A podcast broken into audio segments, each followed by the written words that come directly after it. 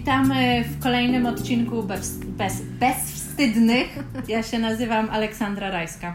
A ja się nazywam Jola Rębecka. Witam. Dzisiaj będziemy rozmawiały o grubości. Grubość to jest w ogóle słowo, które mi się bardzo podoba.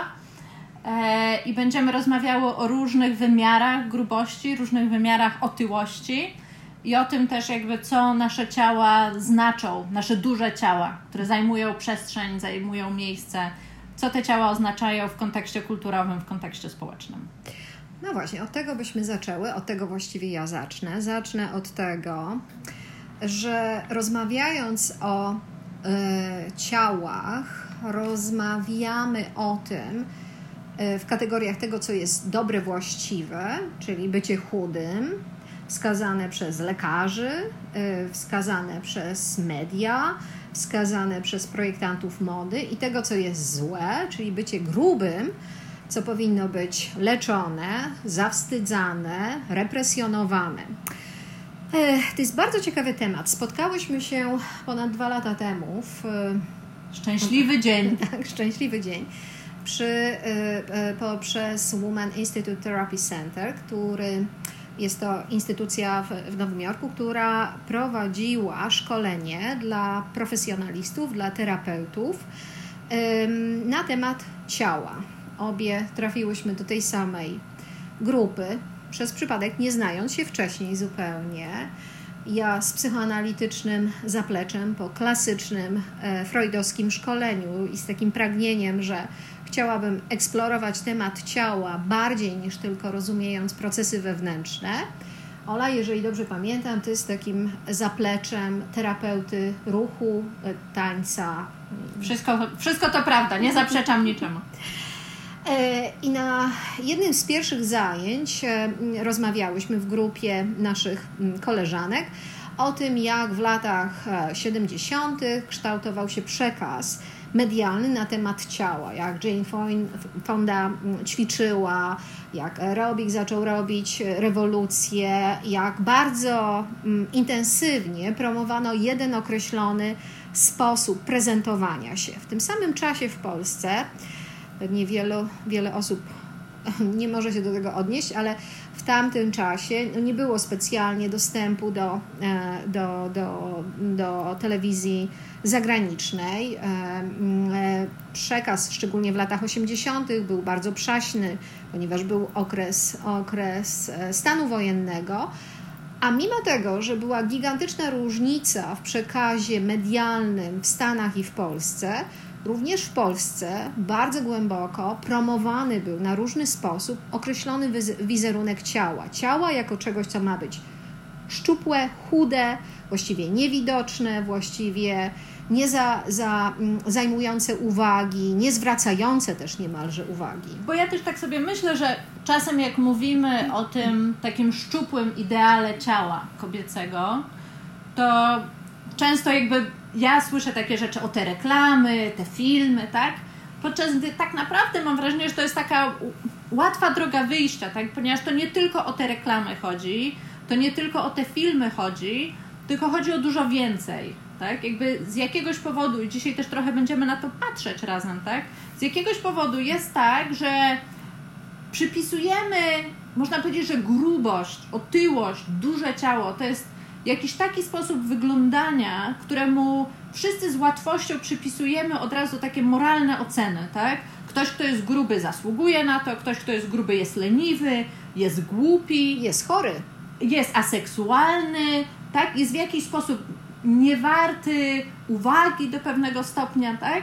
I że gdzieś jakby bardzo szybko przechodzimy od tego, co jest widoczne na zewnątrz, do tego, co wydaje nam się, że jest w środku. Tak? I trochę tak Czyli jak... u, e, zajmujemy się produkowaniem projekcji. Ale też trochę tak, jak Wiola wcześniej mówiła, tak? jakby gdzieś ten proces zachodzi i tak naprawdę nie...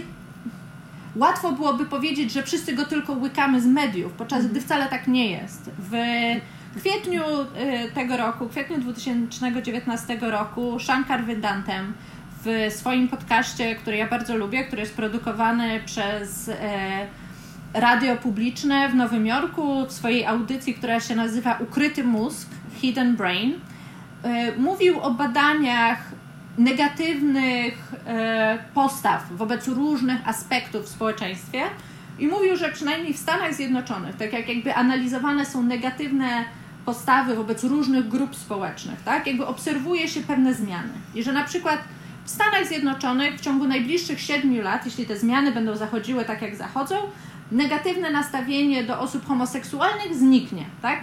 To, czy ktoś jest osobą homoseksualną, czy nie jest, nie będzie stanowiło, nie będzie ani plusem, ani minusem w życiu takiej osoby. W przeciwieństwie do tego, osoby, które są otyłe, nastawienie do osób, które są otyłe przez najbliższe 100 lat nie zmieni się. Mm. Tak, że gdzieś jakby te postawy są tak głęboko i tak głęboko gdzieś jest dla nas to ciało związane z czymś, co jest wewnętrzne, czymś, co przypisujemy wewnętrznie tej osobie, że nie jesteśmy tego w stanie rozdzielić i te postawy się zmieniają bardzo, bardzo wolno. Ale ja myślę, Ola, że również opisujesz e, e, konstrukt społeczny że jedno to są oczywiście nasze indywidualne nastawienia, ale one nie biorą się z niczego. One wynikają z przekazów kulturowych i społecznych oraz oczywiście religijnych. Czyli w kulturze, w której dominuje pewien przekaz, a tutaj zrobię. Mm, a, takie odniesienie do kultury chrześcijańskiej, choć myślę, że, że religia e, e, katolicka jest szczególna w tym wymiarze.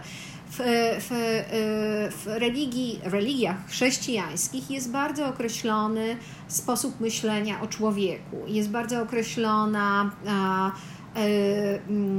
określone to, co jest dobre i to, co jest złe. W religii katolickiej mówi się na przykład, że jednym z grzechów jest obżarstwo, czyli obżarstwo, jak widziałam w książkach różnego rodzaju, zawsze pokazywane było, że osoba, która się obżera, czyli popełnia grzech, jest gruba, jest otyła. No, nie widziałam nigdy obżerającego się, który chudzielca. wygląda chudzielca. Nie, takiego przekazu a, mm, nie było.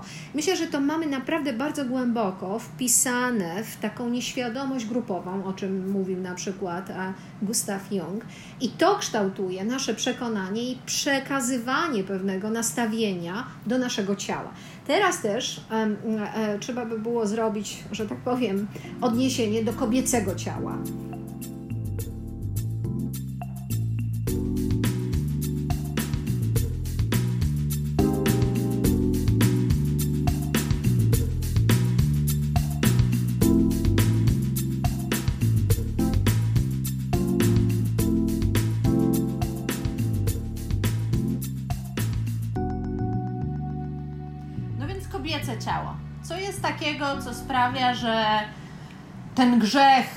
niepohamowania, ten grzech e, braku kontroli nad sobą, to jest właśnie to wielkie kobiece ciało. Co sprawia? E, to też jest bardzo ciekawy temat w kontekście kulturowym i tutaj można by było robić analizę pod względem, pod względem szerokości i długości geograficznej. Odniosę się, czy będę się odnosiła dzisiaj głównie do tego, jak rozumiem E, ten proces, czy te procesy w kontekście Polski. Myślę, że obraz ciała w Polsce jest bardzo mocno kształtowany przez religię i był kształtowany przez religię katolicką i poprzez e, transgeneration trauma, przez taką traumę przekazywaną międzypokoleniowo. międzypokoleniowo, do czego się odniesiemy za chwilę, czy za jakiś czas.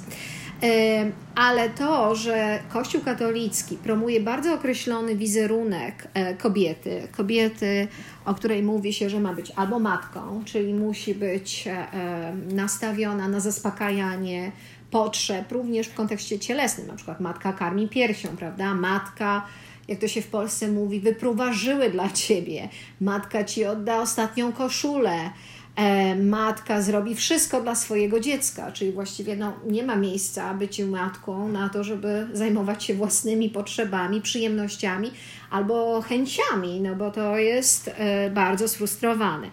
Matka ma być też e, oczywiście mm, święta, ma być niemalże jak Madonna, czyli kobieta, która no oczywiście rodzi dziecko, ale to dziecko rodzi się w sposób niemalże magiczny, czyli nie, nie ma miejsca specjalnie na przyjemność seksualną. Jeżeli kobieta pozwala sobie na odejście od takich bardzo sztywnych kulturowych i religijnych ról, jakie są wyznaczane przez taki przekaz w byciu w określonej grupie, i tą grupą jest na przykład Polska, w której żyjemy czy mieszkamy, jesteśmy wychowywani, oczywiście, że będzie postrzegana bardzo jednoznaczny sposób jako dziwka.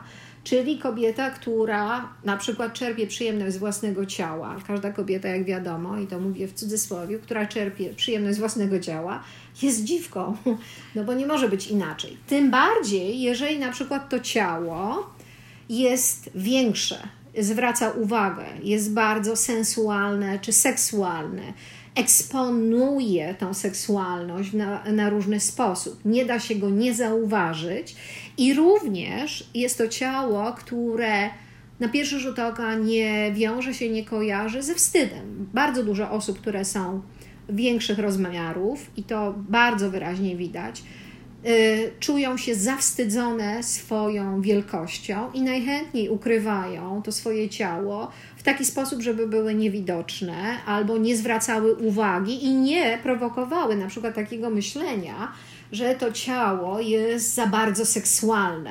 Tak, a, ja, a z drugiej strony można też powiedzieć, że osoby, które są grube, bardzo często są postrzegane jako tacy nie do końca ludzie.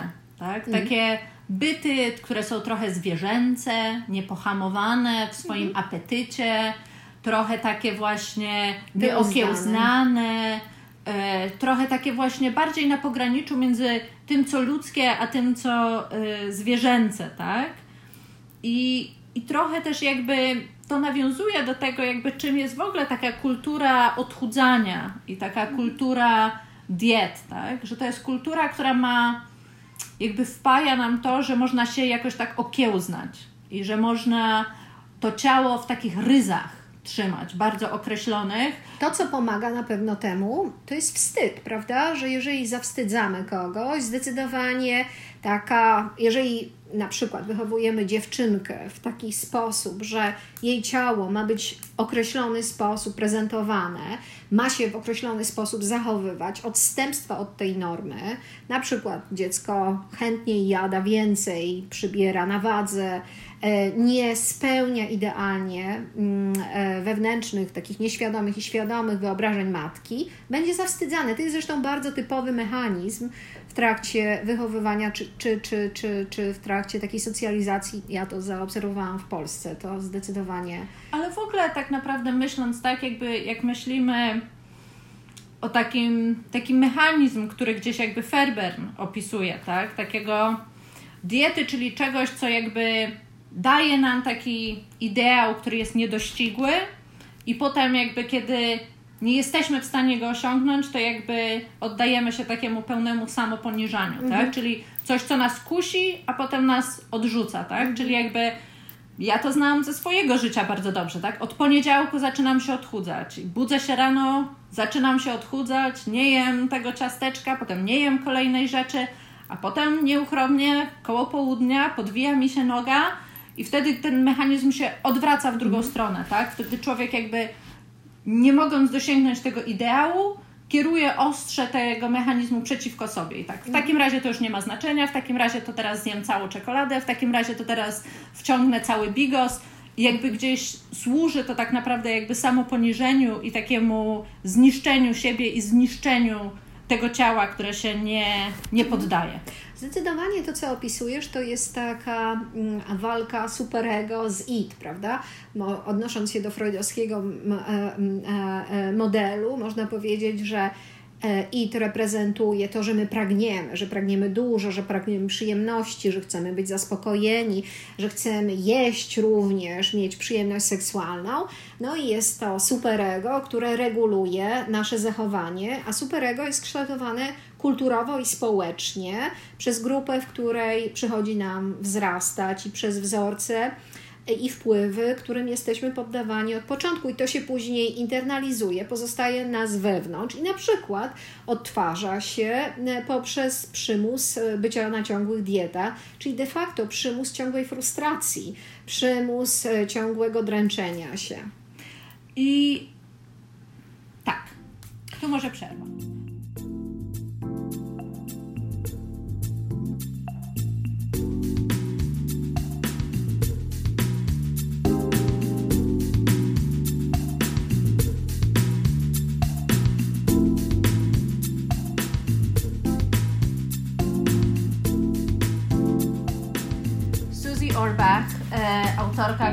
Nam obu bliska, ale też warta krytyki. W 1978 roku wydała swoją książkę, która się nazywa Fat is a Feminist Issue, czyli mm, grubość jest, jest tematem feministycznym. I ona tam pisze o tym, że w każdej grubej osobie ukryta jest chuda osoba, mhm. tak? Jest, są różne rzeczy, o których można myśleć, tak? Czytając to. Ona jakby gdzieś zwraca uwagę na to, że otyłość i warstwy, które nabudowujemy sobie, są nam potrzebne. Są nam potrzebne z jednej strony do tego, o czym Wiola mówiła wcześniej, czyli do jakiegoś takiego stawiania czoła światu zewnętrznemu. Że gdzieś, jeśli, i ona pisze szczególnie o kobietach, że jeśli spoczywa na mnie cały dzień wzrok mężczyzn i opresja gdzieś, która jest związana z patriarchatem, to to potrafi być zbyt dużo, to to jest zbyt blisko mnie. I że wtedy kobiety gdzieś mhm. starają się nabudować sobie trochę takich warstw ochronnych. To, za co Suzy Orbach jest krytykowana, to taka myśl, że każda gruba osoba musi mieć w sobie chudą osobę. Tak jakby nie można było być po prostu grubą i nie można było być e, po prostu osobą, która ma takie ciało, a nie inne ciało. Mhm. Ale, ale teraz też jakoś chciałybyśmy trochę tak więcej powiedzieć o tym, jakie funkcje może mieć ciało, które jest grubym ciałem. No właśnie, jedna warstwa związana z y, rozmiarami dotyczy tego, że my jesteśmy różni i że są chudzi, są grubi, i grubość, chcę to bardzo wyraźnie powiedzieć, nie musi być objawem choroby. Otyłość nie musi reprezentować e, coś złego. Może to być dużo bardziej skomplikowane. Może kiedyś zrobimy jeszcze na ten temat. Dodatkowe, dodatkową rozmowę y, i będziemy eksplorowały ten temat głębiej. Ale również może być, i to jest temat, który mnie zajmuje y, też y, już przez dłuższy czas, wielkość ciała może być również objawem na przykład traumy. Dwa lata temu miałam okazję spotkać Roxane Gay przy okazji promowania przez nią książki Hunger. Roxane Gay jest e, mm, nauczycielem akademickim, jest e, e, kobietą w większym rozmiarze, zdecydowanie większym rozmiarze. Jest też kobietą czarnoskórą, mieszka w Nowym Jorku. Jest też pisarką. Jej książka, która właśnie dwa lata temu się ukazała, opisuje historię jej życia, opisuje jej traumę jako mm, e, dziewczynka została zgwałcona przez grupę chłopców, nie podzieliła się tym doświadczeniem z wielu bardzo złożonych, skomplikowanych powodów ze swoją rodziną i e, właśnie obudowywała tą traumę, nie mogąc jej wyrazić, nie mogąc się nią dzielić, nie mogąc dzielić swojego bólu, swojej rozpaczy, swojej straty z, ze światem, zajadała to w taki sposób, że urosła do gigantycznych rozmiarów, tak, że zdecydowała się dwa lata temu na redukcję żołądka, jednocześnie będąc e, feministką, która walczy z body shaming and z fat shaming, czyli zawstydzaniem w związku z tym, że jest się dużą osobą. Ale to, co chcę powiedzieć, to, co właściwie mówię w tym momencie, to to, że również rozmiar może być związany z przekazem, jaki prezentujemy światu. O tym bardzo pięknie pisała w swojej książce moja koleżanka z Polskiego Towarzystwa Psycho... moja nauczycielka z, Polski... z Uniwersytetu Warszawskiego. z Polskiego Towarzystwa Psychoanalitycznego, pani Kasia Szyjer, napisała przepiękną książkę Piękne Brzydactwo. Polecam tą książkę i dziękuję pani Kasi za inspirację. Książka jest na temat tego, jak nazywa się psychologiczna problematyka obrazu ciała i jego zaburzeń. I mówi o tym właśnie, jak nasze ciało wyraża rzeczy, które nie mogą być wyrażone językiem, nie mogą wy być wyrażone społecznie, nie mogą być wyrażone w grupie, jak nasze ciało również czasami przez jego rozmiar reprezentuje jakąś historię, której my nie mam, do której my nie możemy mieć dostępu, ale ona musi być opowiedziana. I ja też mogę oczywiście tutaj powiedzieć, że jako terapeutka tańcem i ruchem, pracując przez wiele lat z ciałem i różnymi ciałami, przez przez wiele, wiele już lat, że ciało też ma swoją jakoś osobną narrację, że bardzo często staramy się narzucić słowa do wyrażenia tego, co się dzieje w ciele, podczas gdy tak naprawdę ciało ma swój własny język, którym się już z nami komunikuje. Mhm. Tak? Czy to przez rozmiar, czy to przez sposób, w jaki się poruszamy, czy też co się dzieje w naszym ciele, tak? Mhm. Ale też jakby gdzieś nawiązując do tego, co Wiola mówiła o tym, że jakby ciało to nie jest tylko indywidualna rzecz, to jest też jakiś system, w którym istniejemy, tak? Mhm. System, w którym gdzieś różne rzeczy, można powiedzieć, różnymi rzeczami się karmimy, mhm. czysto fizycznie i psychologicznie, tak? Że jakby to, jakiego rozmiaru kto jest, jest związane z dostępem, jest związane z rasą, jest związane z ubóstwem, jest związane z bardzo różnymi czynnikami. Mhm. Ostatnio miałam przyjemność e, rozmawiać z dwoma osobami, które są dwoma szczupłymi osobami. Rozmawiałam z nimi o tym, że e, chcemy właśnie nagrać taki odcinek i jakby obie te osoby gdzieś mi mówiły, no ale jaka jest różnica pomiędzy tym, że ktoś jest zawstydzany ze względu na to, że jest osobą otyłą, a ktoś, kto jest zawstydzany ze względu na to, że jest osobą chudą, tak? Osobą, której mhm. ciągle rodzina mówi, a czemu ty nie jesz, a wyglądasz zbyt chudo, a czy nie jesteś chory, czy nie jesteś chora. Ja sobie myślę, że jednak jest pewna różnica, mhm. ponieważ przeciwko osobom grubym istnieje cały świat tak. sy różnych systemów. No tak? przede wszystkim Osoba... jest to przekonanie, że to jest choroba, tak? To to jest jedno, tak? Ale z drugiej, tak, więc jakby z jednej strony to, co Wiola mówi, tak?